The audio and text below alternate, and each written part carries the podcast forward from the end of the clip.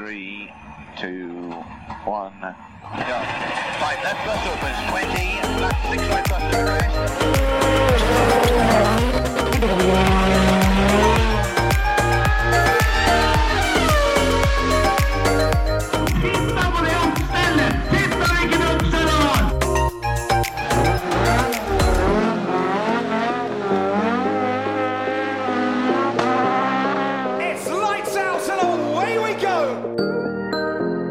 Velkommen tilbake. Føremøtet er eh, kommet seg gjennom eh, påska. Og eh, nå skulle vi gjerne sagt at nå begynner det for alvor. Men det gjør ikke det denne uka heller, gitt. Nope. Skal vi ta oppropet, eller? Ja, Ja. Dere er her begge to? Ja. Greit. som alltid. Da sier vi det. I dag så har vi en gjest som vi skal ringe til litt seinere. Vi gleder oss litt til det, for det tror jeg kan bli gøy. Vi, vi skal snakke med Roy Snellingen. Han uh, har vært med på veldig mye, mye rart. Han, uh, han har kjørt mye rart sjøl, og han har lært andre å kjøre mye rart. Han har vært med mye folk som har kjørt veldig mye fort med bil Ja, og motorsykkel. og motorsykkel. Og han har vel kjørt fortere med motorsykkel enn de fleste andre. Fortere enn meg, i hvert fall. Ja, Fortere enn meg òg. det, jeg har faktisk kjørt, uh, kjørt sykkelen hans. Det- Jeg kjørte ikke like fort som han. Det var litt spennende, egentlig, for det, da, da, skulle, da skulle pappa sitte på. Jeg var ikke så veldig svær. Jeg husker veldig godt at jeg, jeg rakk ikke ned til bakken, for den sykkelen eh, de er ganske høye. Og uh, da fikk jeg beskjed om å, å, å slippe kløtsjen veldig forsiktig utafor huset hjemme hos meg, og, øh, og pappa satt bakpå. Eh, Jeg kjørte ca. 200 meter. Eh, Pappa satt på den første halve. Eh, Slapp ikke den kløtsjen så forsiktig som jeg skulle, og når jeg kom et par hundre meter eh, ned veien og, og skjønte at ikke han satt bakpå lenger, så tryna jeg selvfølgelig. Ja. Så, så sånn var det, da. Men uh, Gøy var det. ja, det var, det var fælt moro, det. Så, så Roy fikk ikke sykkelen sin like helt tilbake igjen. Nei, den, han var ferdig med. Han, øh, han hadde tryna med den sjøl. Så øh, det var ikke, det var ikke hans sykkel lenger. Du bare fullførte den jobben han hadde begynt på. Ja, det var mange som uh, fikk mye, mye glede av den sykkelen der. Det, det kan vi snakke litt med Roy om etterpå. Så um, skal vi ta, noe, ta litt andre ting, eller? Før, uh, før vi ringer til Roy? Ja, vi kan ta med det, det er grått vær ute da. Vi er snart på det nivået nå at vi begynner å snakke om været. Ja, det er Det regna litt i Vestfold i dag. Det har det. Litt, litt regndrypp. Og ja, bortsett fra det så kan jeg vel si at øh, jeg er ferdig med runde to av oppussing. Yes. Såpass. Nå har kjøkkenet fått seg et strøk au. Å, dæven. Så det, det kommer seg nå. Jeg har fulgt i dine fotspor. jeg. Måtte male sjæl. Ja vel, se Ble der. se- sendt rett ned i boden for å hente utstyr og, og begynne å male. Kan Kjetil, så kan du, fikk du beskjed om. Jepp. Når han latssammen der gidder, da må du gidde òg. Nei, det var vel en, eh, en vegg som skulle hatt uh, skifta farge på en god stund, som uh, det liksom har ikke noe annet å gjøre, da. Så Ja, får den måle, da. liker til å få malt litt. Ble den fin, da? Ja, den ble veldig fin. Ja. Og så har det jo da, som hver uke, blitt lagt ned en del timer i iRacing, da. Ja, Hos uh, e-sport-avdelinga i førermøtet her nå. ja gjør seg ikke sjæl, det der. Og nå er vi påmeldt uh, 24-timersløpet. Og vi kan jo også droppe nyheten om hvem vi skal ha med oss som skal kjøre sammen med oss. Det løpet der. Ja, Det er ikke meg. er det ikke deg? Nei. Å, faen. Eller jeg- det er jo Vi Ja. er jo ikke der enda, så hvem veit hva som Hvem kan vet, skje. hvem vet? Jeg får heller ta jobben som superreserve, men eh, jeg har til gode å kjøre Altså, d- den, eh, de 200 metera som jeg kjørte med sykkelen til, mm, sykkelen til Snellingen, det er to- 200 meter mer enn jeg har kjørt i iRacing. Han er, vi har kjørt noen meter på den banen her de siste dagene. Det har vi. Men fortell, da. Hvem er det som skal være med dere to? Nei, det er jo da ingen ringere enn uh, den blideste Preben Valle skal også være med. Ja, han skal også være med. Men det er jo den blideste bergenseren vi veit om, da. Å jøss. Yes. Skal Trude Drevland uh, ut og kjøre her Nei, eh, Nei, Herman blideste bergenseren vi kjenner, da, kan vi si. Ja. Men det er uh, Andreas Bakkerud. Å jøss. Ja. Vi toppa laget, vi, med Superstjernen. Ja, det er ikke verst. ja, han har jo litt eh, tid å drepe om dagen, da. Så Ja, en lita, lita tur til Nürnbergring, det er vel eh, innafor det nå. ja. Nei, det var jo Vi, vi lekte jo litt med tanken, litt høyt, og han slang seg på med en gang. Ja. Og det er eh, Han syntes det her var kult, han, så han, eh, han blir med på det. Han er jo et ja-menneske, som han sjøl sa, og det, det veit dere å utnytte, tydeligvis. Ja. ja, nå var det Vi spurte vel i grunnen ikke sånn vel, Vi trengte ikke å overtale en sånn kjempe. Nei, den kom ganske fort. Så det, det er kult. Jeg og Terje kjørte banen for første gang i mørket i går. Ja, det fikk jeg en liten videosnutt av. Det så litt rått ut, faktisk. Det var helt sjukt. Det er, eh, som jeg sa til Emil når vi på, at det er den, det er den kuleste timen jeg har hatt eh, bak en PC-skjerm med ratt og pedaler foran meg, altså. Ja, det var, det var unikt. Det er jo en eh, Det er jo et beist av en bane, det må jo være lov å si det. For det Jeg satt og så på litt eh, her eh, for noen dager siden, som eh, når Terje og Preben kjørte firetimersløp på samme banen. Ja. Og eh, den er jo to og en halv mil lang. Ja. Så det blir jo sånn som jeg tenkte, da. Det er, det er jo som å kjøre rally uten kartleser, for det Ja. kan du bare drite i å huske den banen. Men eh, jeg så jo det at eh, jeg tror dere har litt kontroll på hvem svinger som kommer når. Ja, det, det er litt sånn Vi kan på en måte Vi kan ikke tegne banen, men når vi kommer til et parti, så husker jeg at eh, her har jeg kjørt ut før. Da må vi ta det litt rolig her. Ja. Og så når vi kommer rundt et par svinger, så kommer det en sving som jeg i hvert fall har treffet i autoene mange mange ganger, så da må vi ta det litt rolig der òg. Det er sånn du på en måte husker banen. Mens Preben derimot, han kan tegne hele banen. Det, Så jeg og Antonsen er mer på det at vi kjenner inn partiet når vi kommer dit. Og det var litt er- ekkelt i mørket. For det veldig pent. ja, det kan jeg tenke meg. Det gikk jo ikke så verst på den firetimersen heller. Dere hadde vel eh, los på seieren ganske lenge, og så kom Jinxen eh, innom et, eh, et lite tips, da. Ja, du var jo innom og prata med oss mens du kjørte, og fikk ødelagt de greiene der. Ja, jeg bare Dere drev og, og la litt strategier for litt pitstopping og sånn, og så skulle dere ha ett kort, uh, bitte lite bensinstopp uh, før dere var ferdig. Da var det igjen en uh, Halvtime omtrent. ja, 40 minutter eller noe sånt nå. Og så, så sa jeg det at det, dere skulle ikke drøye av det stoppet Altså tatt det litt seinere hvis ikke dere må før, da. For hva om dere treffer et autovern og kanskje skulle hatt litt reparasjoner og sånn? Nei, nei, vi kjører i pitten, tenkte, tenkte guttene. Jeg, jeg hadde jo ikke noe, noe med det å gjøre, så jeg holdt kjeften, jeg. Og de fylte den, demensscena de skulle. og hadde trygg ledelse ned til nummer to, og Terje drusa i autovernet. Så da var det inn i pitten og måtte, måtte reparere litt. da, vet du. Så var bilen Den så vel ut som en litt lørjete bilcrossbil, og da Ja. blei det litt flere turer i autovernet etter hvert, for den var ikke så god å kjøre. Ja, det gjorde det. det for uh, i første timen så klarte Preben å få treffe i autovern, og det er veldig fort gjort på den banen der. Og så tok jeg over og kjørte oss uh, langt opp igjen, og Preben uh, tok over for meg igjen og kjørte oss langt opp, så vi leda med 50 sekunder vel. Når vi tok det siste pitstoppet, så var det som om skulle bare ta det rolig herfra og inn til mål. Og det er jo ofte da feila kommer, når du Mm. begynner å bremse tidligere, du begynner å gi på seinere, du begynner å legge om kjørestilen din. Da. Så da, da gikk det rett og slett i autovernet. Og da Vi ble nummer tre da, i klassen vår. Ja. Så det var veldig godkjent, og det var veldig, veldig moro.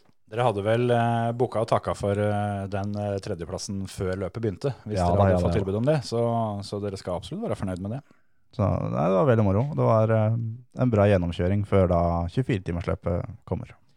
Har dere blitt enige om uh, kjørerekkefølge, åssen dere skal løse det greiene her sånn? Hvis dere er fire stykker på 24 timer, så jeg regner ikke med dere skal ta seks timer i strekk hver.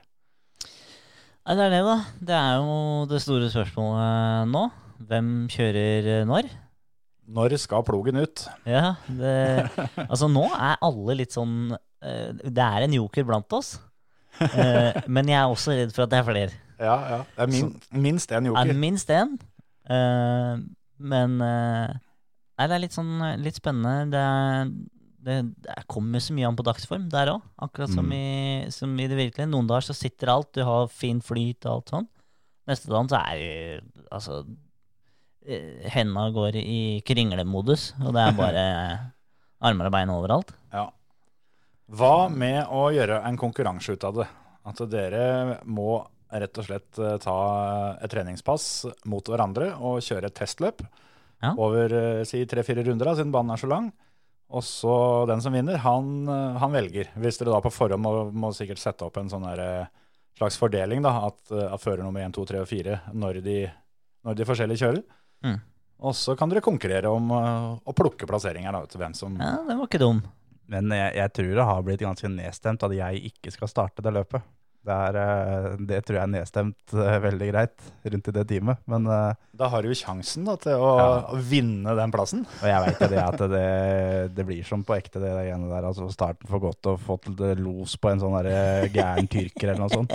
Han går ut, han, vet du. Og det, når du skal kjøre 24 timer, så, så er det sånn som når jeg og Preben kjørte da løpet nå om helga, så kjørte jeg kvalifiseringa, og Preben kjørte starten. Så tok jeg over og kunne kjøre eh, fritt, da, uten Ja. så veldig mye biler rundt. Og det fungerte veldig bra. Det er jo ikke noe tvil om at det høres litt lurt ut. At den som er, eh, er tryggest til å, å kjøre i tett felt, den Mm. eh, tar første passet. Og så kan den som, den som liker å kjøre om natta, den kan gjøre litt det. Og, ja, det er jo en del forskjellige faser her, da. Jeg veit jo ikke akkurat hvor mange timer, sånn som når det er mørkt, Mm. og det er bekmørkt. For det er jo ganske så stor forskjell. Fordelen er jo at du ser jo bilene som kommer bak. Eh, I mørket? Ja, litt enklere, for da kommer jo lysa Ja, speilet? men nei. Fordi alt er helt mørkt, og det du ser er Det er akkurat som hvis du har eh, sånn eh, sotespeil, Ja. så blir det nesten helt likt. Alt annet blir svart, og så ser du nesten bare lysa, så vidt det er. Så når du har bilen, eh, han er et halvt sekund bak deg, som er veldig veldig nærme, så ser du ikke bilen. Det ser fortsatt kun bare lyset hans. Mm. Ja, ja, men da veit du at det er en eh, bil der. Ja. Om ikke annet. Hvis han eh, blinker med lyset, så får du epilepsianfall, for da lyser jo hele bilen. Alt av bæsj det inne og det. Så det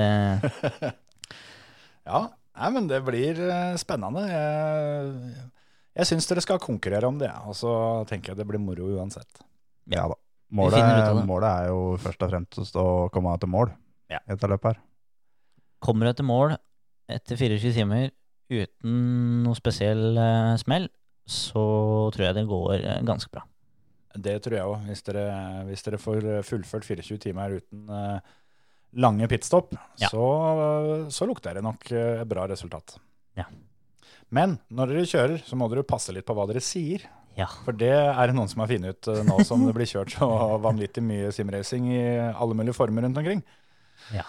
Der var det vel en som tråkka litt uti det nå her nylig. Altså, han har ikke bare dritt oppover knærne, han har dritt langt oppover nakken, for å si det sånn. For han tråkka godt i det. Ja, det er vel, eh, det er vel snakk om eh, Kai Larsson. Ja. som er en profilert NASCAR-sjåfør.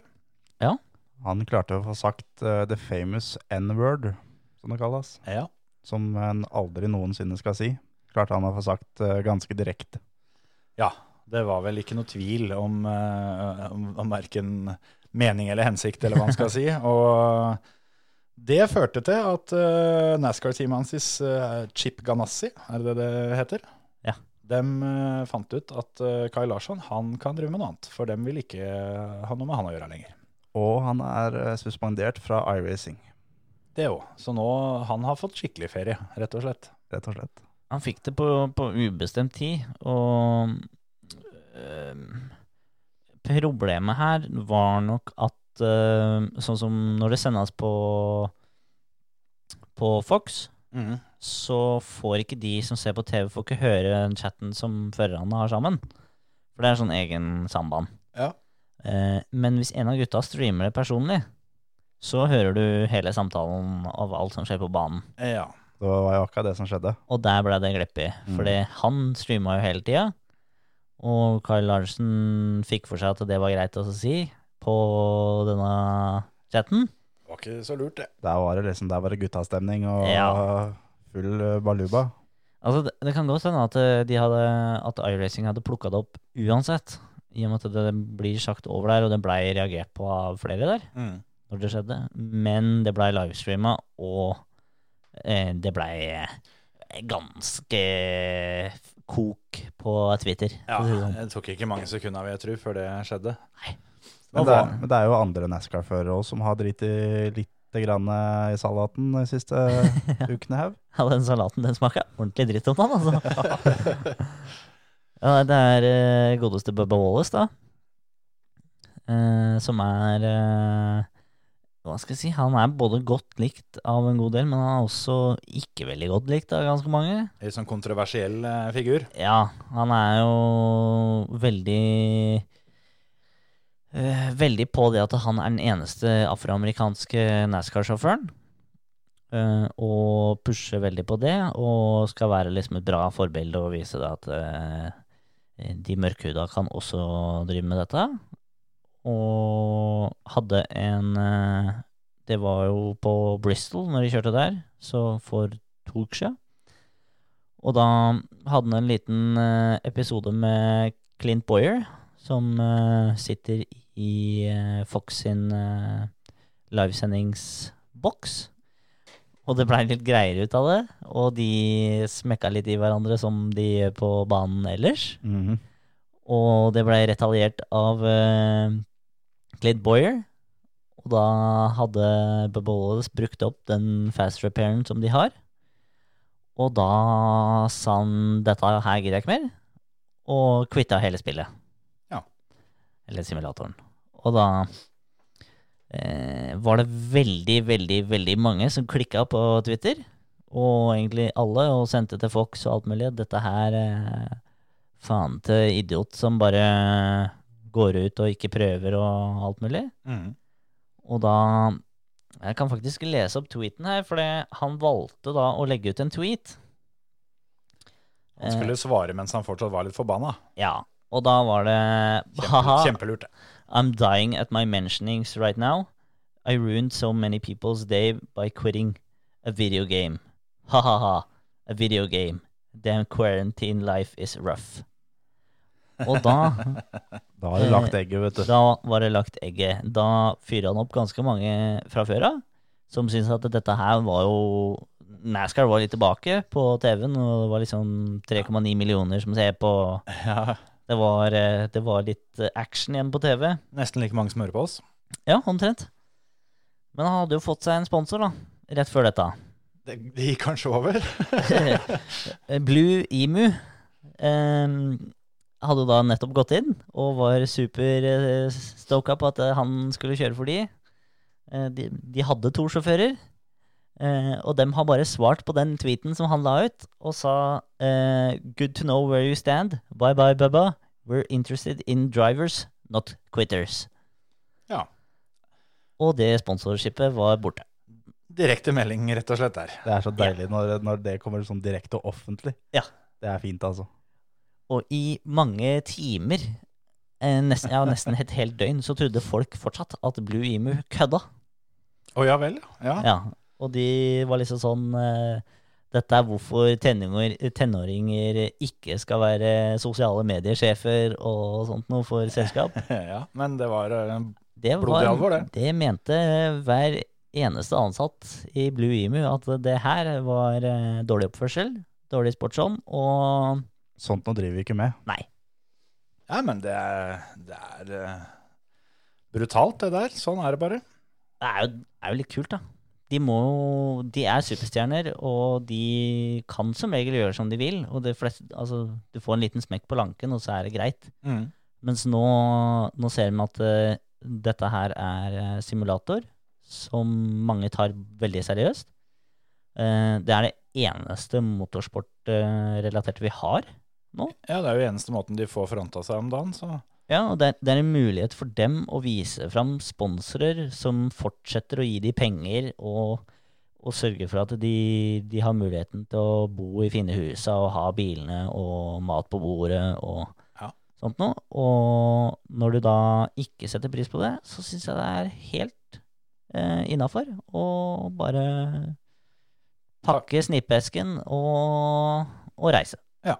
Nei, det der syns jeg hørtes ut som eh, en tøff eh, avgjørelse av Blue Emu, som, eh, som eh, burde stå som et godt eksempel for mange andre.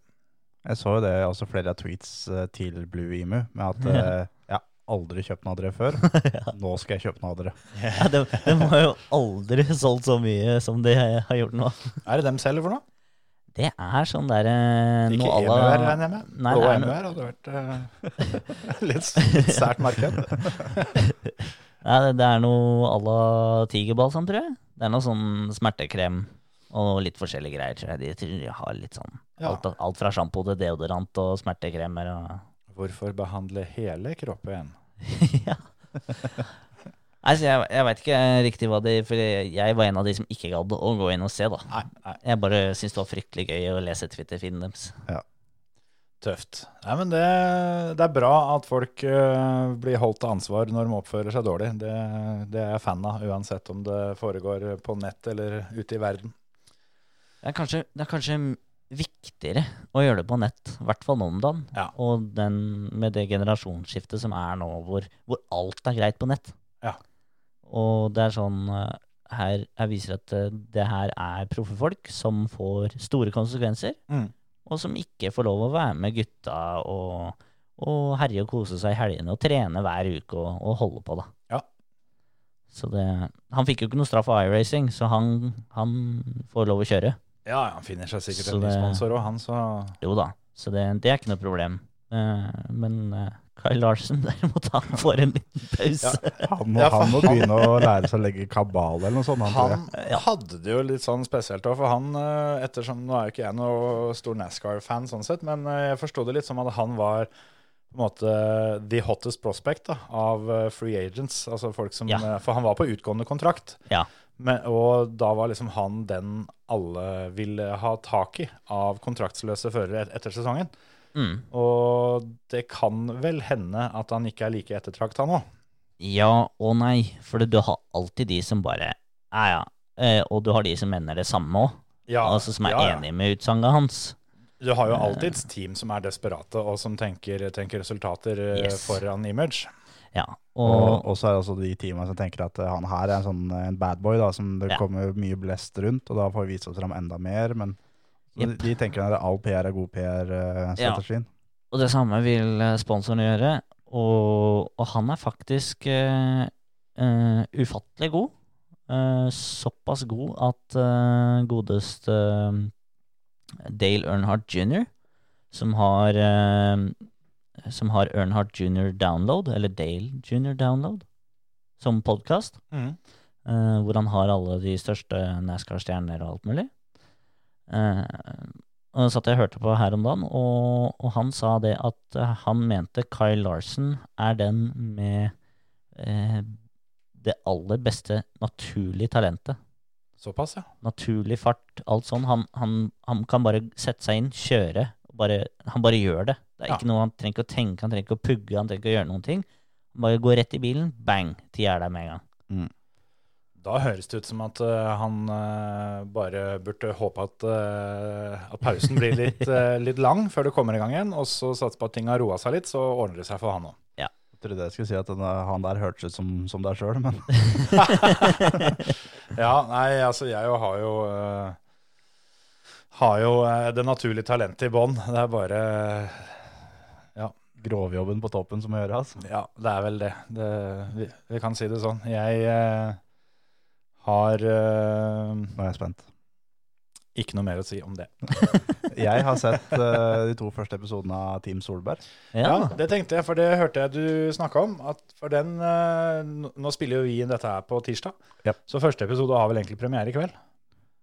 Og vi i førermøtet vi er ikke kjent for at vi gidder å vente på, på den slags. Nei, så vi, vi er tidlig på ballen. Vi er på ballen. Denne gangen så var det du som eh, fikk jobben med å finne ut av hva som eh, skjer. Så eh, vær så god, Terje. Ta oss gjennom. Hva er Team Solberg, og hva har det med å by på? Det er jo en dokumentarserie om eh, familien Solberg. Eh, hovedsak Oliver, Petter og Pernilla. Som eh, de har hatt kamerateam rundt seg nå i mange, mange år. Som eh, har satt sammen uh, alt sammen. Og det er fra før Petter ga seg med rallycross. Ja. Så de er med litt når eh, Petter krasja i Latvia i 2017, er det vel? ja, når kragebeinet ryker. Når kragebeinet ryker og han eh, finner ut uh, at han har uh, en sykdom på lungene i tillegg. Ja. Uh, er med litt der, og Oliver sin eh, første rallycrossløp, og eh, litt uh, historien rundt åssen Oliver har vokst opp. Det er veldig mye fokus på Oliver, da. Ja. Det er det. Er det litt sånn der, eh, Born to Drive repeat, eller? eh, Nei, har, nei, nei. ikke? For Det den er- titta jeg litt på igjen her om dagen. Så Det er en veldig, veldig bra serie. Det er um, veldig mange har helt sikkert sett eh, Team Ingebrigtsen på NRK. Og jeg fikk liksom feeling at det her er Team Ingebrigtsen bare en bedre versjon. Det er bedre laga, det er bedre story, og det er bedre kløpt, så det er mer ting som skjer. Da. Det er mer ja, veldig, veldig bra. det er eh, store ord. så nå gleder jeg meg. Team nå- Ingebrigtsen har vunnet inn mye priser for nettopp de tinga der, så Ja, det er akkurat det. jeg gleder meg til å se dette her, altså. Og det er eh, eh, Episode to er når eh, Oliver eh, skal til Subaru i USA. Og litt historien om det der sånn. Og veldig mange tenkte jo helt sikkert det at eh, Petter har tatt kontakt med Subaru, og Ja, ja, det er jo naturlig å tro. Barndu nå har jeg en sønn som kjører fort med bil her og alt sammen. Men alt er sånn fiksa Oliver sjøl, og sendte mail til dem og sa at jeg er ledig når som helst, uten at Petter og Pernilla visste noen ting. Så Oliver sa bare fra at eh, nå er jeg invitert til USA på test. Og så bare, ja, ok, men da jeg Subaru, da. og da var Petter med, da, og da er det første gangen som Petter ikke er noen ingeniør eller noe sånt for Oliver. Da er Ja. han bare pappa. Ja. Det er vondt for han, skjønner du. og det er sånn når Oliver kommer inn etter å ha kjørt et testrun, da. Og Petter rett inn da, inn i sida på bilen og liksom skal snakke med Oliver. Og bare skyver ingeniørene bort, for da skal han høre historien først. Og til slutt så blir da Petter plassert i en privatbil. Der må han sitte og sture og synes det her er litt vondt og litt fælt. Så er, er- er også kameraene med når eh, Petter slipper nyheten om at han ikke skal kjøre noe VM mer, og, og litt hva de gjør for noe da. Og det er, eh, det er veldig tydelig at uh, Petter, Oliver og Pernilla bryr seg ikke så veldig mye om at kameraene er der. Så det blir veldig, veldig ekte. Det er bra. Du, Det er føler, du føler at du er hjemme i stua deres, da. Ja, ja, ja. Det der er uh, noe jeg gleder meg skikkelig til. Fordi uh, ja, Born to Drive var, var jo en film vi, vi faktisk glemte litt når vi, når vi hadde den gjennomgangen vår. Ja. Og eh, det er en eh, underholdende film, altså. Og eh, hvis dette her altså Det er jo stort sett alltid sånn at en TV-serie over, over mange episoder har jo tid til å ta for seg ting litt grundigere enn det en film gjør. Ja. Ja. Så derfor så har jeg trua på de greiene her, og gleder meg skikkelig.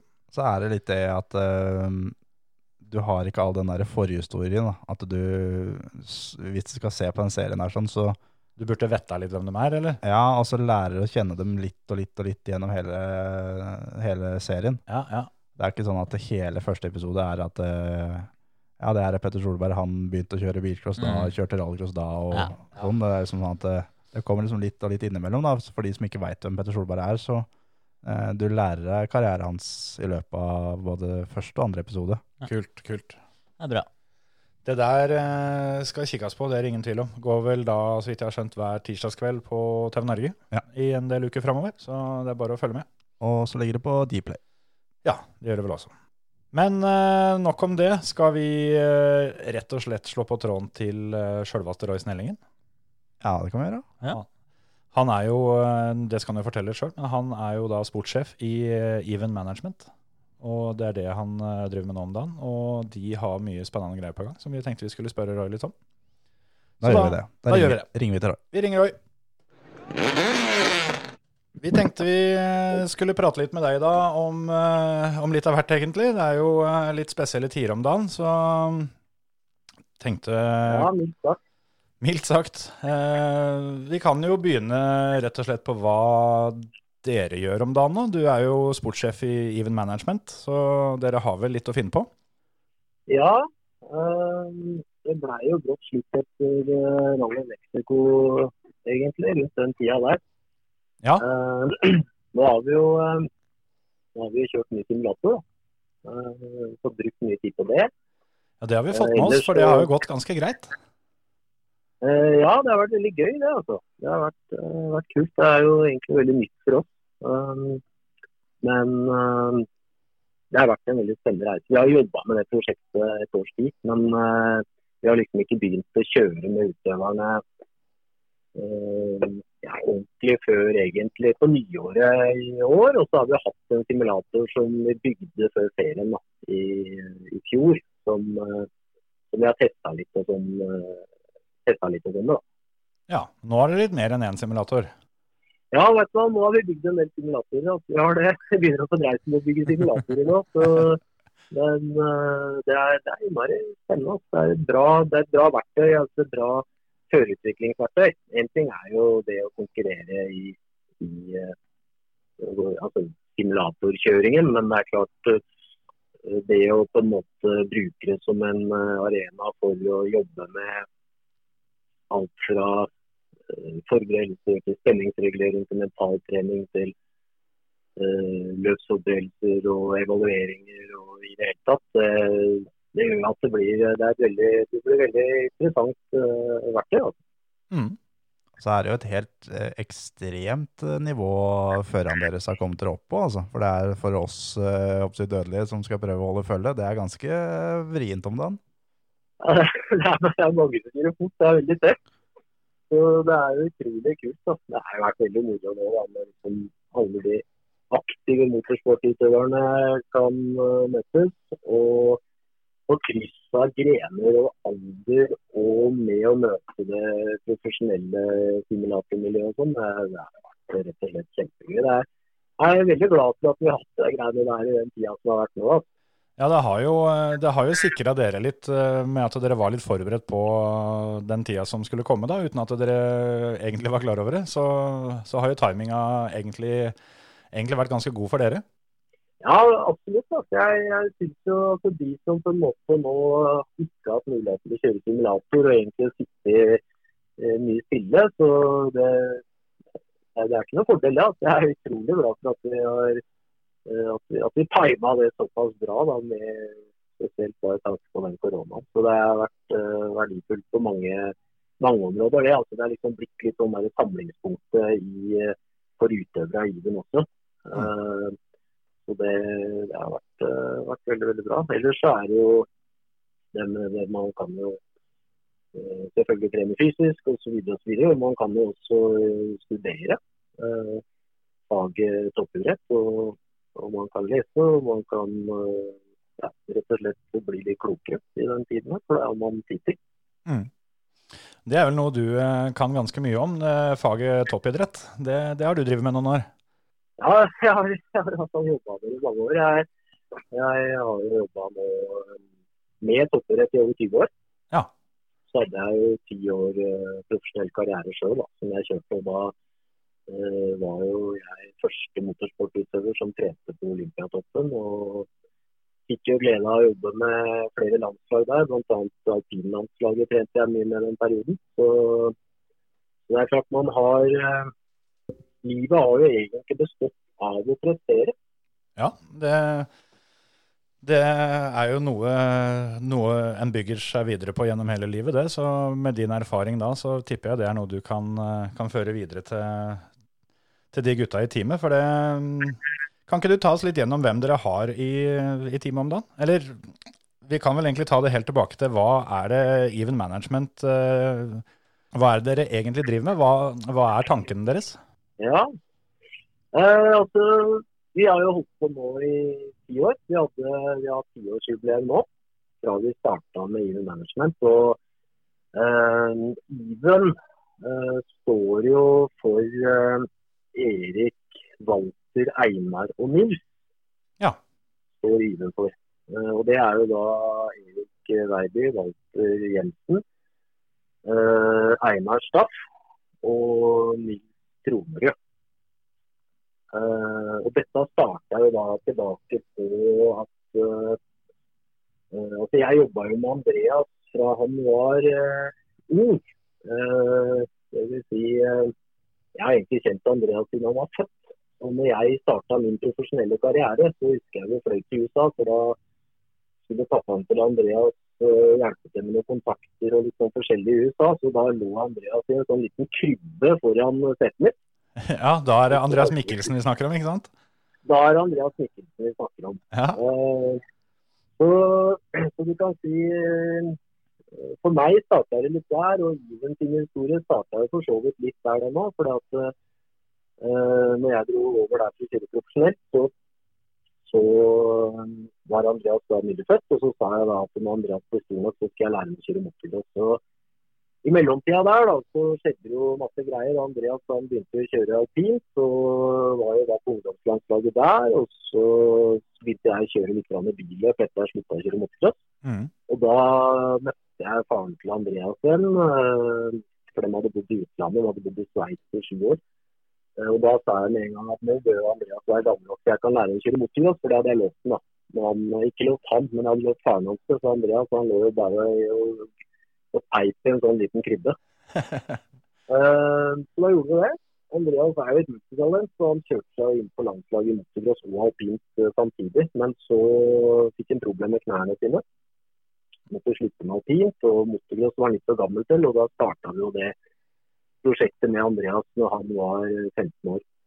Eh, og lang historie kort, så skjedde skjedde masse morsomt på den tida der for øvrig. Men så tok pengene til eh, faren til Andreas slutt. Det kom en finanskrise osv. Og, så og så hadde ikke Andreas noe sted å gå. Vi vurderte der faktisk å kjøre fra å gå fra VR-bil til å kjøre Volvo original bare for å holde hjula i gang.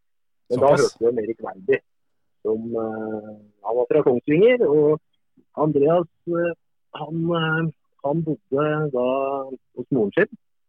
Far bodde i Spania. Jeg husker vi dro ned til Spania. og og Andreas, han, vi var der nede, så sa han at nå har ikke jeg muligheten til å hjelpe deg noe mer.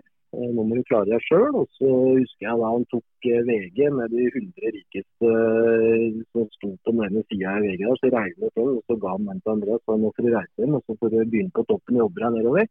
Vil du bli god, så klarer du å skaffe, skaffe kontakter og få tak i penger. Hvis ikke så vil du ikke nok. Ønsker deg lykke til. Og så reiser vi hjem. Og så hørte man om Erik Weiber, og Andreas han hadde ikke bil, ingenting, så han tok jo da toget til eh, Kongsvinger og ble plukka opp der. Og, og, og spurte om Erik kunne hjelpe ham osv. Det sa Erik at eh, OK, vi kan godt hjelpe deg med det, men da blir det på Kongsvinger-metoden. Da må du begynne å kjøre standardbil. Ja. Og det, det gjorde han, og han gjorde det veldig veldig bra. Og så så jo Erik det raskt at han trenger jo en gruppe mennesker rundt seg her eh, for å, for å klare å hjelpe Andreas. Og da da ble det sånn at han kontakta Einar Walter Nils.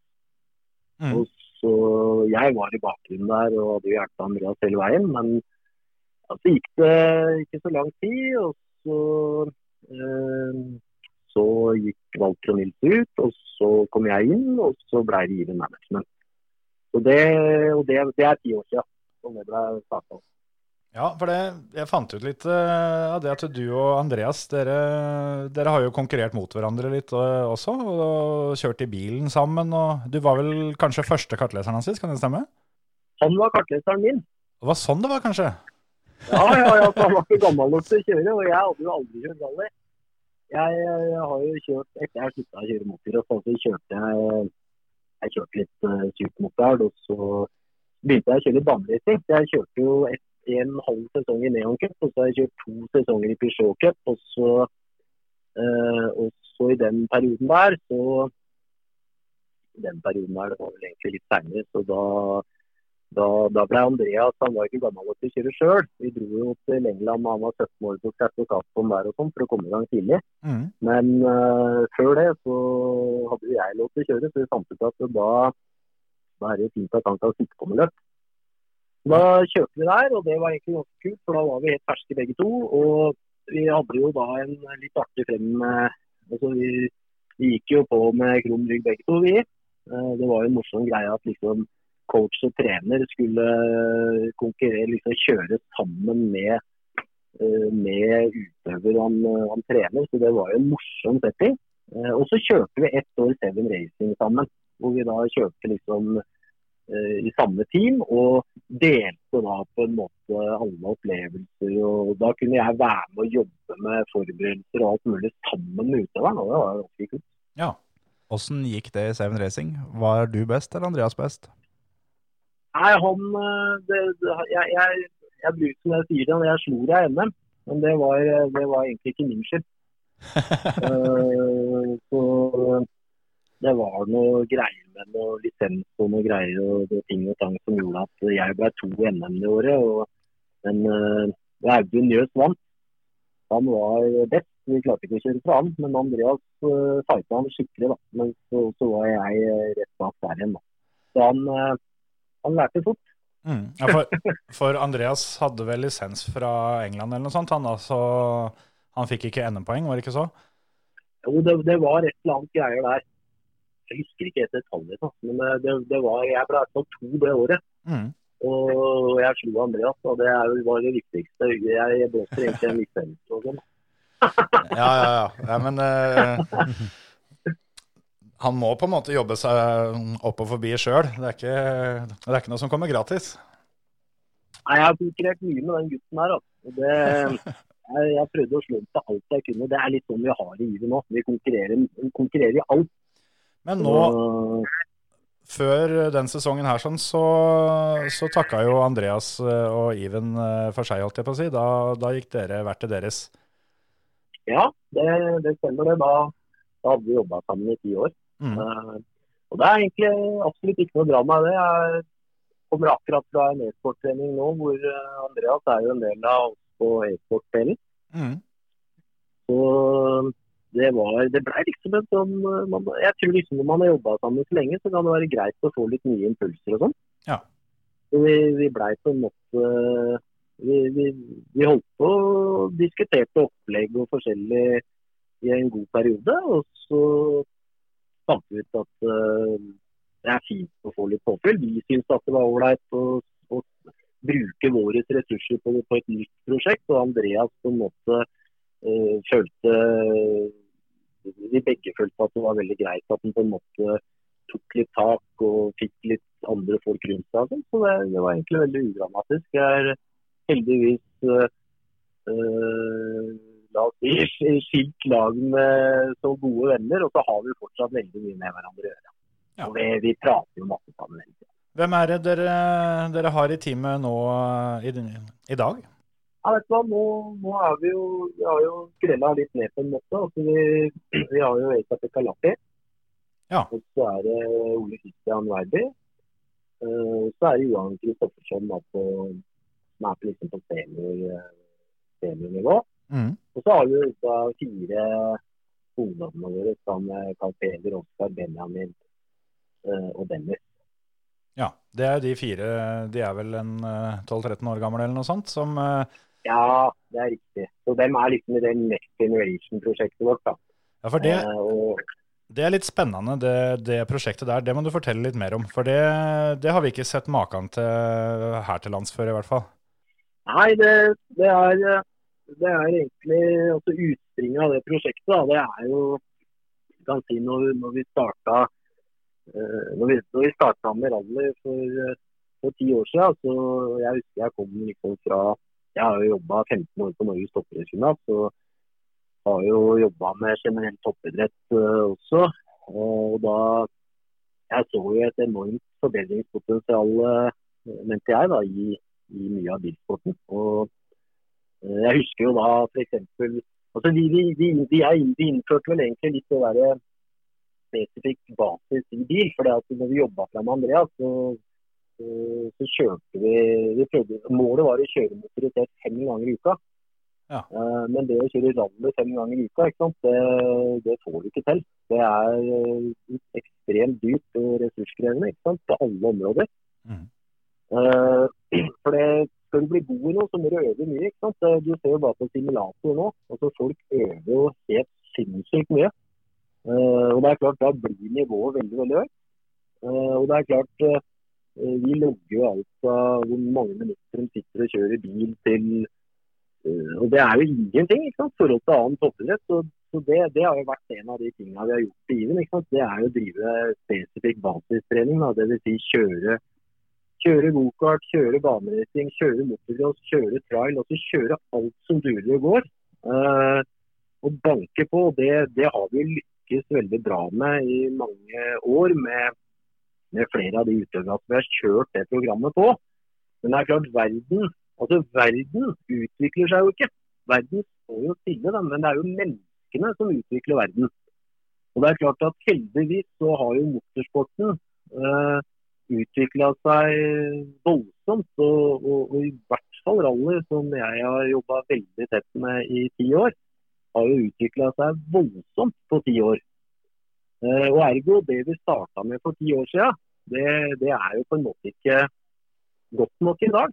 Altså, skrekken er jo å snu bunken og tro at man er god pga. at man har fått til noen resultater som hører eh, historien til. Mm. Så ergo så starta vi et nytt prosjekt for, eh, for ett år siden, hvor vi tok og eh, rett og slett brukte den erfaringa vi har fra de ti årene. Så gjorde vi et studie, og så kjørte vi da et eget prosjekt. Og ut ifra det prosjektet så utvikla vi det som heter Next Generation, som er en femstegs utviklingsmodell, hvor e-sport er en del av et større konsept. De førerne som dere har eh, tatt med der, sånn, eh, hvordan dere har funnet de førerne? Ja, det, vi, eh, vi kjørte en, eh, en, eh, en Altså, vi, vi kjørte eh, vi, vi har jo, For det første så har vi jo et nettverk innen motorsport, hvor vi kontakta da en del både i gokart og, og, og crosskart osv. Så, videre, så kartla vi jo det miljøet.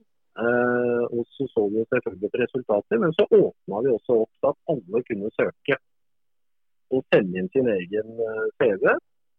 Eh, Så vi, det kjørte vi da en, en kampanje på i sosiale medier. Eh, Og vi brukte vel Jeg tror vi brukte en eh, 83 måneder på den eh, prosessen der. Eh, Og så plukka vi ut da en del interessante ut ifra både resultater og anbefalinger og søknader. Og så inviterte vi folk inn til en presentasjon av hele prosjektet. Og så satt vi ned og prata sammen og kjørte litt simulator osv. Satte vel av en borti tre timer per utøver. Vi brukte mye tid på det. eh, og Vi brukte ganske lang tid på det, og så kom vi da fram til disse timene. Ja, det er jo en, eh, en fin gjeng dere har endt opp med òg, så det, det blir spennende å følge. Hvis de, eh, hvis de fortsetter å levere sånn som det de har gjort denne vinteren, så blir det ordentlig, ordentlig moro, i hvert fall. Nei, Det er, det er veldig fine ungdom. Altså, det er veldig fine, fine utøvere. Men det er. Det er, eh, det er klart Målet med prosjektet er jo å skape, skape en ny verdensmester i rally. Mm. Som er, det er jo det som er hovedmålet langt framme der. Og det er klart, eh, på et eller annet tidspunkt så, så kommer vi til å ta med oss én utøver, kanskje to. Kanskje ingen. Også det, det får tiden vise. Men, eh, men eh, det er jo det som er greia. Men jeg merker jo det allerede nå. Altså det er, vi har så bra miljø, og det jobber så godt. og vi, vi, vi utvikler hverandre. Og, så jeg merker jo det at eh, man blir veldig glad i disse. Så det, Uh, vi, vi får se hva fremtiden bringer. Men det er utrolig fine utøvere. Det med jeg. Jeg har jobba med mye utøvere gjennom uh, over 20 år i toppidretten. og dette, er en eh, skikkelig bra gjeng. Dere har jo ikke akkurat spart, eh, spart på kruttet når når det kommer, til, eh, kommer til trenere her og sånt heller. Nå med simracinga så, så har dere henta inn Tommy Østgaard. Ja, det stemmer det. Og, altså, det var jo Da vi starta prosjektet, så Vi begynte jo egentlig da med å tenke at vi skulle bygge en simulator. Og så skulle vi bruke det som en del av treninga. Så skulle vi da hente inn utøvere og kjøre trening på kontoret og sånn. da. La oss ta historien fra starten. Så, så fant vi ut at hverdagen er jo hektisk, og for å bli god så må du øve mye. Så da kom det jo et forslag på bordet ganske raskt at uh, hvorfor ikke bygge fire simulatorer. Og så tar vi uh, en til hver utøver, og så plasserer vi dem hjemme. Og så kan vi da kjøre korte uh, trening. Ja. Og det er klart En sånn simulator da, det fungerer jo som verdens beste klasserom. Eh, Det er jo faktisk fjernundervisningsklasserom som fungerer. Da, så det, Du kan jo bruke det til mye mer enn å bare kjøre. Ja visst. Uh, og I den forbindelse så, så tenkte jeg jo at eh, Og jeg mener Tommy er jo en Han har jo vært en, en Hva skal jeg si for noe? En, en skjult diamant, egentlig. da. Eh, han er jo supersmart. eh, veldig flink. Eh, fått nesten null oppmerksomhet, vil jeg si, før, før i seinere tid. Når, og spesielt nå har jo ting begynt å ta av. Men tanken min var jo da at hvem er best på dette? Vi må jo bare ha med det beste. Så det tok ikke lang tid før jeg fant ut at jeg må ringe Toppen Østgaard. Nei, ikke sant? Eh, og nå ser man jo at han til og med Og, og det, det har jeg jo sagt hele tida. Han- ja, han er helt rå. Altså, han, er- han er dødsgod. Han er, han er han, Ja.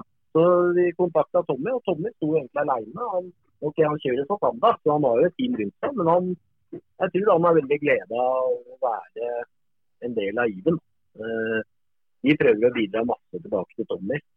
Senest nå så, så trente vi på Sandfjord, som han skal kjøre første VM-runden på.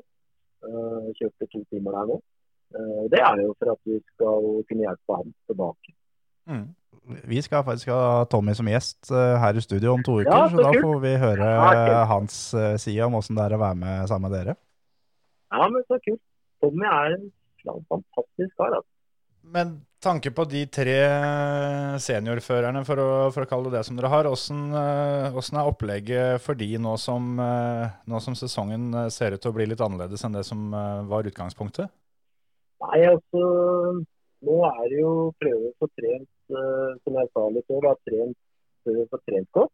Eh, så kan man eh, Man kan rett og slett studere.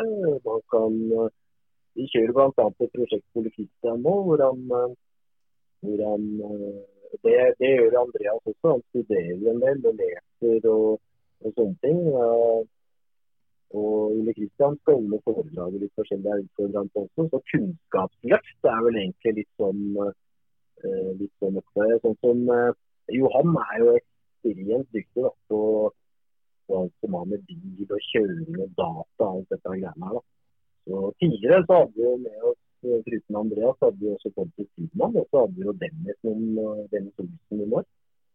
Eh, Så nå er vi jo en mindre gruppe.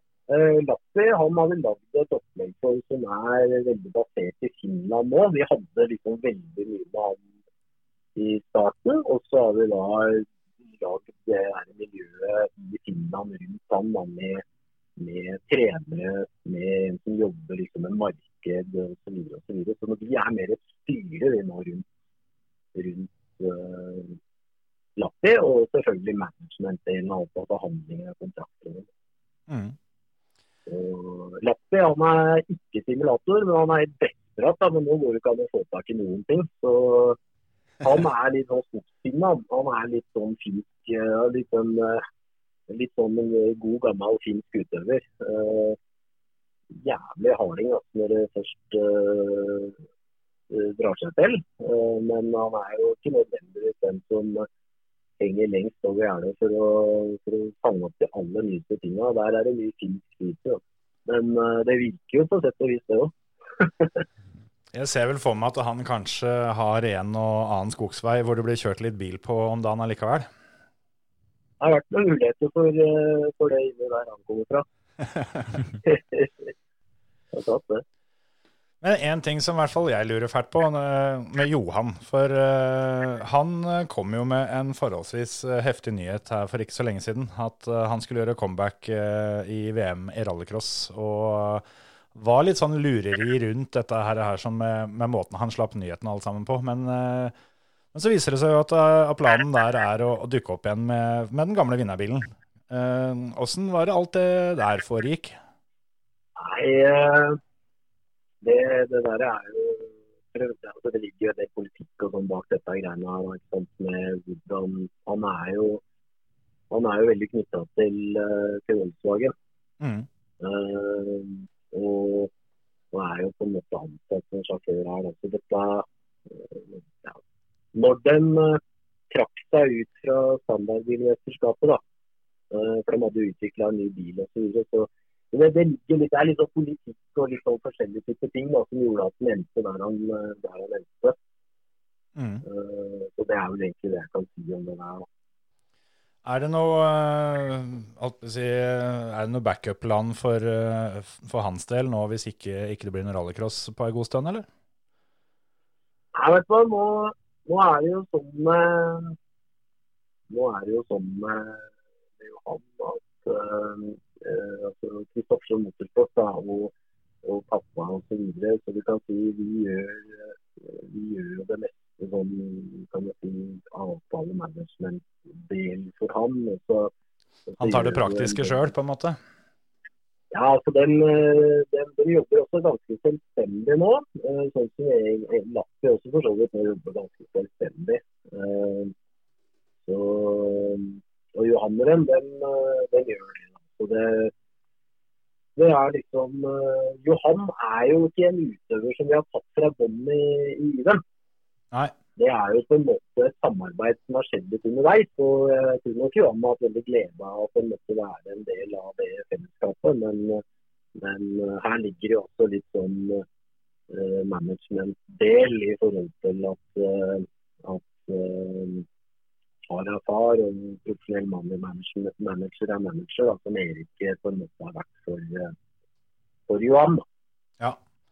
Eh, en annen ting som jeg tenkte vi måtte prate litt om òg, er jo eh, hva du dreiv med eh, før eh, Even Management kom inn. For du var jo ikke så aller verst utøver sjøl i din tid.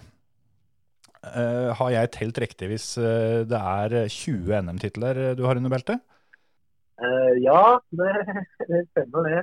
Uh, jeg kjøper profesjonelt motocross i i ti, år, da. Ja. Og, um, det, det, det er jo liksom det som var greia mi, da. Uh, det var jo det var motocross, uh, motocross-delen. Mm. Eh, jeg har jo jeg proff i ti år, så jeg har jo andreplass i EM. Og så har jeg alt fra femteplasser og bakover i VM løp. da. Eh, Mm. så, så det er vel eh, det er vel ca. 474 år siden. liksom. Men, men eh, 20 NM-titler, det, det er mye, altså. Det er 19 flere enn deg, det, Emil. Ja. Det er, det er helt drøyt. Stemmer det at uh, du hadde den EM-seieren uh, litt sånn handa på pokalen før det gikk gærent i Polen for en del år tilbake?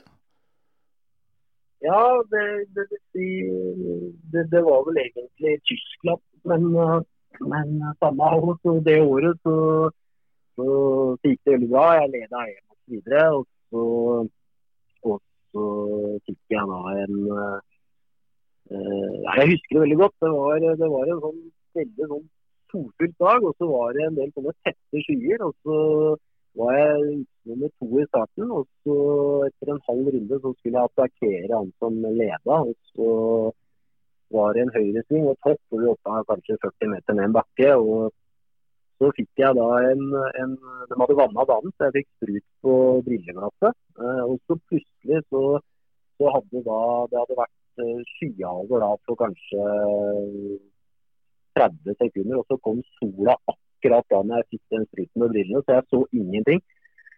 Og da, men jeg kunne jo banen omtrent i blinde, ikke sant. Så jeg bare, jeg bare attakkerte ut der. Og så tenkte jeg når du kommer i lufta, så kan du bare dra tiroffen, da, eller liksom, så du får rent glass. Men det som skjedde var at forhjulet sklei unna. så jeg, Sykkelen snudde seg opp, ned, bak, fram. Så jeg dro liksom 40 meter ned dalen der, opp, ned, bak, fram og landa på planeten. Så jeg husker lyden av det når jeg brakk nakken. Det var som å ta et sånn bambusrør og knekke over kneet, liksom. Ah. Eh, Så da ble det, da ble det lite med kjøring det året der. Oppe etter det der. Var det det som var uh, punktummet for eh, den, den profesjonelle karrieren din òg, eller? Nei, egentlig ikke. For det, jeg var vel bare jeg var vel Ja, jeg var knapt 18 år jeg, når det skjedde. Og, men det som kanskje var det som kanskje var det, det døveste med det, da, det var for så vidt ikke den tittelen egentlig. Men jeg, jeg hadde jo liksom ingen jeg hadde ikke noe management, ingen til å hjelpe meg. ikke sant? Så før det skjedde, så hadde jeg da, da skulle jeg kjøre EM-finalen med for Sylvian Geborg og Suzuki-fabrikken. Eh, Sylvian Gebors det var han som var teamsjef da, for fabrikkteamet til Suzuki, og jeg skulle kjøre sykla til Stefan Everts, eh, som da vant VM det året. Uh, og så husker jeg da jeg brakk nakken og alt det greiene der, så ble det ikke noe mer. Og da ble det liksom den gangen sendt en telefaks ned og fortalte at uh, det ble ikke noe finale på, på Unge Snellingen, for det, han har brekket nakken, liksom. Ja. Og så blei det liksom med det. Da, da, det var den sjansen jeg, jeg fikk. Hadde jeg hatt liksom et skikkelig profesjonelt management rundt meg, så på året etter så gjorde jeg comeback, og da ble jeg to i VM. og Chiodi som vant, han var fabrikkfører, eneste fabrikkføreren i EM. Og han som ble nummer tre, han fikk også fabrikkskontrakt, men han var fra Holland og ble kjørende for eh. Altså det, det året der hadde vi to fabrikkteam. Så han var fra Holland, og så var det teamet fra Holland, så fikk han den plassen. Mm. Og, så det, det blei liksom litt sånn at så kjørte jeg jo da og var beste privateers og så videre i, i mange år etter det. Altså. Men da, da, da, da glapp den der fabrikkontrakta. Og- Men, men ok, sånn, og det er klart det er jo litt av de greiene som er motiverende med å jobbe i management òg. Det er jo det på en måte Altså Vi har eh, Målet vårt det er å skape verdensmester i motorsport. og Det vi på en måte gjør, er jo på en måte å gi unge utøvere, unge fremadstormende, muligheten til å eh, leve ut eh, drømmene sine om å kunne bli verdens beste. Uh, og det er klart, det, den muligheten, den og Et sånn type management det hadde jeg aldri, aldri tilgang på sjøl. Så Det er jo veldig moro å kunne være en del av å kunne hjelpe fram eh, unge utøvere og, og, og kunne være med og gi dem eh, mulighet. Mm. Ha, har, har motorsporten blitt litt sånn nå at eh, du er nødt til å ha et management rundt deg for at det skal komme til toppen, eller er det fortsatt mulig aleine? Det, det, der, det der jeg gjorde et studie på for, for to år siden, hvor, hvor vi tok og rett og slett eh, Vi var da i en prosess. Da. Det er egentlig dette her som nå er blitt Next Generation. Men da tok vi og så litt på mulighetene. Jeg tok og leide inn en som heter Håkon Tønnesen, tidligere sportssjef i, i Red Bull eh, Norge. Eh, og så satte vi ned en prosjektgruppe, og så studerte vi da eh, hvor er det utøverne kommer fra, og hvilke management og hvilke tilbud har management i, i Skandinavia, i Europa og i verden innen motorsport, men også annen idrett. Mm. Og så prøvde vi å benche oss litt da, for å se liksom, hvor er det vi står, og hva er det vi leverer, og hva er det, hva er det som gjør at vi har en posisjon, og, og hva kan vi bli bedre på, og alt det greiene her. Og det er klart at når man ser på hvor utøverne kommer fra, så er det jo da eh, veldig mange utøvere som, eh, som ikke kommer fra noe management, for å si det sånn. Eh, det er jo da ofte talentfulle unge utøvere som har da kanskje en eh, altså Ta f.eks. Verstappen nå. da, Det er jo en eh, han som har tatt liksom fram og hjulpet han på veldig mye. og Det er jo en venn av familien som er en god businessmann, f.eks. Liksom. Mm. Eh, Det samme var jo med, med Michael Schumacher. Der også er jo egentlig en businessmann som eh, ble manageren hans.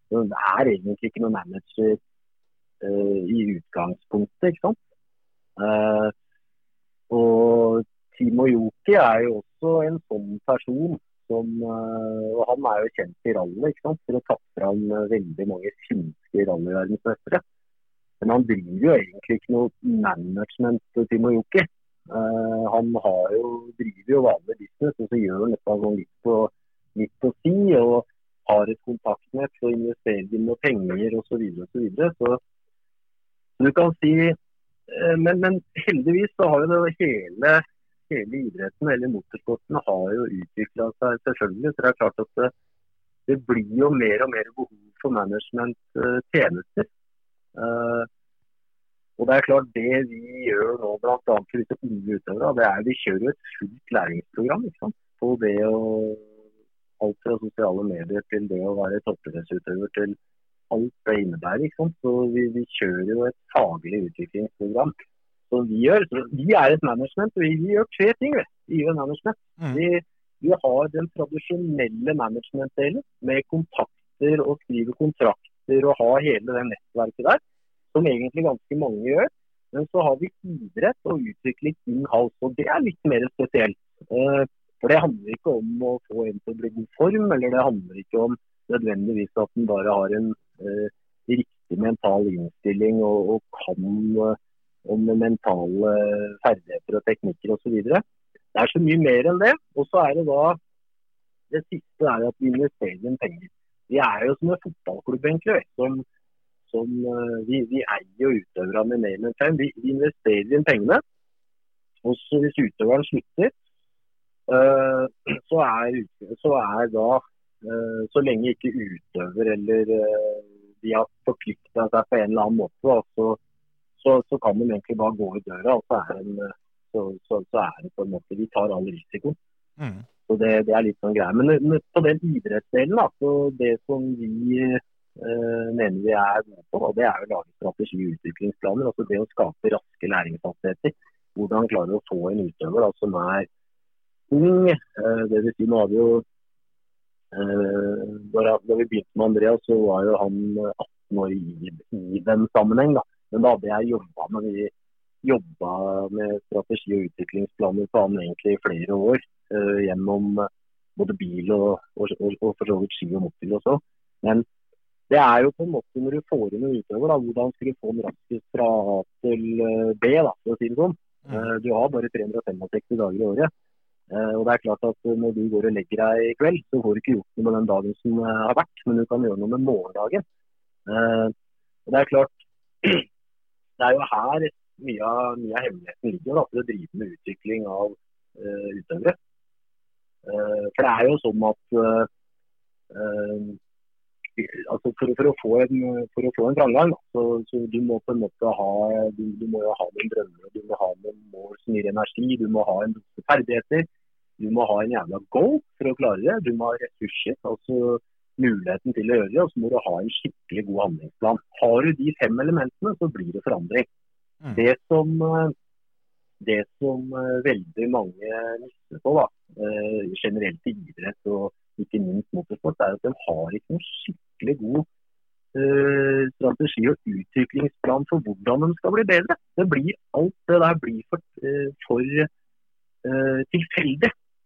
Så, så du kan si Det er jo en av de tingene vi jobber veldig veldig godt med. Det er jo på en måte å finne de områdene som hva, hva, Hvilken område må du prestere på å bli god? da, Så må man da reindyrke de områdene. Så må man følge opp. Ja, det blir veldig spennende å Da- følge dere framover der. For det, det ser ut som dere har et uh, ganske solid opplegg på gang. Nei, altså det er klart det, man, man, man jobber for mennesker, og det handler om på en måte at man skal ha det gøy og at man skal trives osv. Men mennesker flest eh, liker å utvikle seg. ja. Jeg lurer på om vi eh, skal takke, takke for praten for nå, Roy. Og så, og så gleder vi oss til å, å følge med dere videre. Og så veit jeg at de to andre gutta her sånn, de, de gleder seg til å, til å fighte litt mot, eh, mot de gutta dine når, når det skal kjøres simracing-NM på Interlagos, er det det? Ja. Ja. Nei, det er jo, Dere har gjort det veldig bra, da. Herregud. Det er jo Dere har jo øh, Ja, det er klart øh, Det er jo øh, Det er jo sånn som deg, Emil. Du har jo Du, har jo, du, har, du er jo virkelig vært dritgod til å kjøre. Så, eller du er vel antageligvis veldig god til å kjøre, men, men Preben der kjenner jeg egentlig ikke så mye til. Men men eh, for det er, det er, eh, det er Emil og Preben, er dere to som har kjørt, ikke sant? Eller er det deg, det er Terje og deg, Terje? Ja. Jeg, jeg også har kjørt. Ok. Så har alle tre kjørt? Alle tre kjørte sitt første løp nå sist og kom rett i A-finalen alle mann, så det er bare å se i speilene framover, altså. Det var alle tre som kom til finale. Jeg trodde det var to. Ja.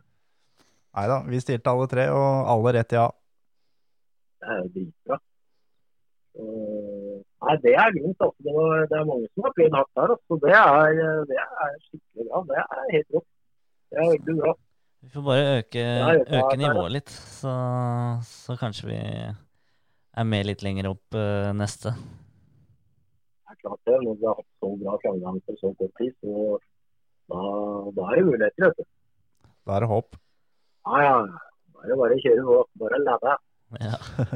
Dere får trene på dere òg, for det, om de gutta her får det som de vil, så trenger dere den treninga når de kommer og banker på eh, i bakspeilet. Så, så får vi snakkes igjen eh, litt seinere, Roy. Takk for praten. Ja, ja, takk for praten. OK, ha det bra.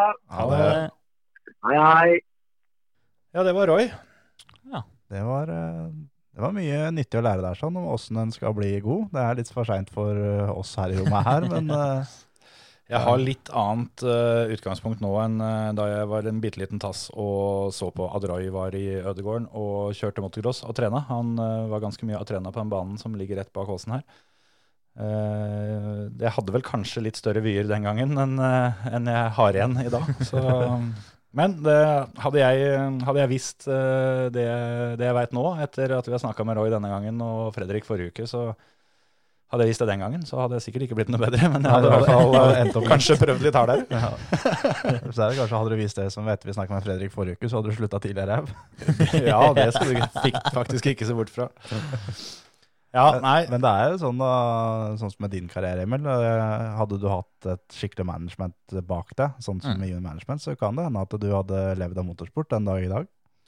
Ja, det er, jo, det er jo en av de hardeste bransjene å klare seg alene, da. Mm. Så det er litt sånn eh, eh, Den hjelp han fikk fra, fra landslaget og sånt på, på min tid, så var jo ikke akkurat det så mye mer annet enn at han kunne få med seg Fredrik av og til. Som uh, Fikk noen flotte klistremerker, da. ja, kjempefine klistremerker. eh, og en ålreit jakke.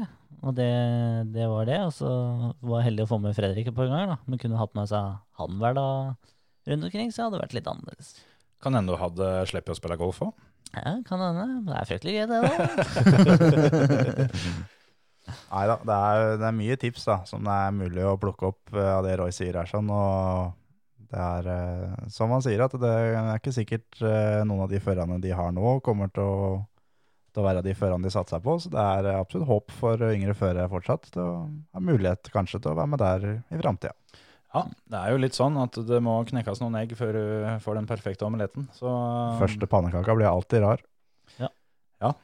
det, ikke, ikke hvis du er like god til å lage pannekaker som meg, da blir det jaggu perfekt hele veien. Bra start Dæven, jeg har stekt sterkt mye er pannekaker, altså. Herregud. Store pannekaker, små pannekaker, tynne pannekaker, tjukke pannekaker. Ja, nailed it. Så da, da for dere som lurer på noe om pannekaker, så er det bare å sende Kjetil en eh, privat melding på Facebook. Han kan gi dere svara der, altså. Oppskrifter, teknikker, hele greia. Jeg er vesentlig bedre på pannekaker enn jeg er på motorsport. Hellstrøm kan gå og legge seg. altså Der er det Kjetil Flåten som tar seg av dette. Ja, greiene. pannekaker kan jeg. Jeg kan gi deg en curveball. Du kan lage pannekaker uten egg. Ja, det gjør jeg stadig vekk. Ja, det gjør det? Ja. Ja, da, da, da vil jeg gjerne se Da hvordan veit vet vi hva vi skal spise neste Oh yes, tirsdag da får jeg en pannekaker servert her. ja, men du kjøper sånn ferdigpose, så tilsetter du vann, så er du ferdig. Ja, Den er Ja, den er jo egg i. Ja, men jeg har ikke brukt egg. Ja, men du snakka om oppskrifter og alt mulig her. Nå Ja, ja, ja. brøyta litt for mye, kanskje? Ja, ja. Nei, men uh, det er ikke alt som må prøves. Nei. Men, men gutter, jeg har eh, faktisk en liten uh, utfordring til dere til eh, neste ukes episode. Dæven, hvor mye klokka har blitt da, Terje? Ja, Skal fy faen, nå begynner det å regne mye på utsida, så jeg må ut. For jeg tror jeg har glemt vinduet på bilen. Jeg, så jeg, ja, Det er heldigvis noe du kan gjøre fra sofaen. Ok. Eh, det er å med bukse på, eller? Eh, Ja, det, det er valgfritt. Okay, Det kan du velge helt sjøl. Nei, Mhm. det er faktisk å eh, finne den heftigste forbikjøringa innafor motorsport all time. Som vi har gjort sjøl, eller som noen eh, rundt Det kan du velge. Altså Hvis du mener at din forbikjøring var bedre enn uh, en sånn, Senna sin, f.eks. sånn, du snakka med en som hadde en julekalender på Facebook. 24 forbikjøringer. Én ny forbikjøring hver dag et år. Yes, sir. 24 luker. Oh yes. Men hvis du mener at du har verdens beste forbikjøring, Ja, ja, ja jeg har topp fem. Nei, men det er greit. Da, da Ja, men det er greit. Det Ja. er en kul utfordring. Finne Uansett uh, motorsportgren, så lenge det er motorsport, så lenge det er hjul og motor, Skal, skal lytterne få være med på dette, eller? det kan du gjerne være med på. Kan ikke du, eh, kan ikke du sette standarden litt, Emil? Hvis du finner finner Finne eh, et, et YouTube-klipp med en som er litt, eh, litt ordentlig? Yes. En som er litt drag i, rett og slett. Ja. En som er litt sånn, litt sånn ordentlig drag i. Altså, når jeg, når jeg tenker eh, åssen type forbikjøringer en skal finnes, så er det en som får deg til å si å, fy faen! ja, ja. Ja, og, og så er det viktig, det må være en, en rein Ja, det skal være en reint, ja. clean forbikjøring. Ja, ja, ja. Dette her Nei, da, er da ryker alle mine 24. Ja. Hard, men fair var Terjes uh... Ja, ja. her tenker Ja, vi her, Der, der har jeg lagt lista i grunn fra jeg begynte å kjøre og fikk lisensen. Det er hard, men innimellom fair. ja. Nei, men her er det Det er cleant. Det skal være drøyt. Og skal være eh, ordentlig gøy å se på. Da legger Emil ut uh, ei lita ledestjerne av ei forbikjøring på Facebook-sida vår. Og så kan publikum eh, og lyttere og fans uh, rett og slett eh, kommentere i den tråden yep. med sine kandidater. Egne eller andres, uh, litt ettersom uh, hva dere velger. Og så skal vi rett og slett uh, fleske til med en premie hvis eh, en av dere er ordentlig flinke. ja. Det, Det, det skal vi gjøre. Det er Emil som blir dommer, for eh, Terje og jeg skal være med og konkurrere sjøl. Jepp. Så det, det må faen meg finne noe ordentlig snadder, altså nede i godteposen. Ja, da da veit jeg at da for å vinne her sånn, så må jeg finne en forbikjøring du har gjort på ekte. Så må jeg da poste den. Så da, det går jo på å bestikke dommeren her. Det blir, eh, blir noen timer YouTube uh, framover da, altså. Eh, jeg det var faktisk noe av det første jeg tenkte på, var et par av de kandidatene i den der julekalenderen til, til Terje. Men jeg skjønner jo det at vi kanskje må, må litt opp i nivået her. Ja, nei, det det er, eh, det er fantasien, eh, fantasien som setter stopper her. Det er ikke noe Det er ikke noe andre regler enn at det skal være forbikjøring og motor og hjul. Så finn det beste som er på nett. Har du inni huet ditt nå en fasit som du tror liksom eh, er den heftigste? Sånn at, at hvis noen kommer med den, så er det gode sjanser for å vinne? Mm, Nja Altså eh, Noe av det drøyeste jeg har sett, er på to hjul. Sånn at det Det var et hint. Yes. Jeg hadde en på Bø en gang da jeg kjørte bilklasse junior. Kjørte jeg på to hjul forbi en fyr. Men er den på tape? Nei, nei, nei. nei. Nei, Men det da kan, det kan hende. Det telles det ikke. Men, så, så den regnes ikke som to hjul. Det er uh, Ja, altså på to hjul er jo greit, da. den, Men du, eh, den du snakker om, de har, de har de har kun kun to hjul, da. Ja. Ja, ja. Jeg husker en eh, som jeg så, så live når jeg var yngre. Den er helt sikkert ikke på tape, den heller. Men det var en bilcrossbil som, som, som kjørte forbi en annen rett før mål. Bare uten å ha hjula nedi. Den, den rett og slett rulla forbi bil nummer to og vant løpet. Da Ja. hadde jeg lagt opp hvis jeg hadde blitt eh, Yes. forbikjørt av en som rulla forbi meg. Det var, Kan hende Stian har den på tape. Ja, kan hende. Hvem vet. Kanskje hvis Stian hører på, så tipper jeg han har en, eh, Han har en kandidat. Eh, Han burde med. komme med 10-12 stykker. Ja. Men det er én. Man, har, man får én. Du får velge den, Ja. den aller beste. Så er det bare å legge på en liten historie, så kan det hende dere treffer det sentimentale punktet et sted langt inni, inn- inni hjerterota til Antonsen. Så, så får vi se om det hjelper eller ikke. Yep. Ja, da, da sier vi det sånn. Vi gjør det. Det, Yep. det blir gøy. Og så og så må jo gjerne dere som, eh, som hører på, dere må bare komme med forslag til hva vi skal kunne prate om. For eh, det er jo ikke til å stikke under en stol når det skjer så lite ute i verden, at vi tar gjerne imot eh, tips. Og det kan være ting som har skjedd for lenge siden vi skal prate om, eller nye ting, eller hva som helst. Så bare fyr løs, og, og bidra gjerne. Det er eh, ingen eh, forslag er for dumme her. Nei, det har jo vi sjøl på en måte bevist Ja, ja, ja. opptil flere ganger. Så, så her ligger lista ganske lavt. Yes. Vi sier det sånn at det får være bra for denne uka, og så snakkes vi gjennom ei ukes tid. Yes, sir. Ha det bra! Ha det. Hei, hei.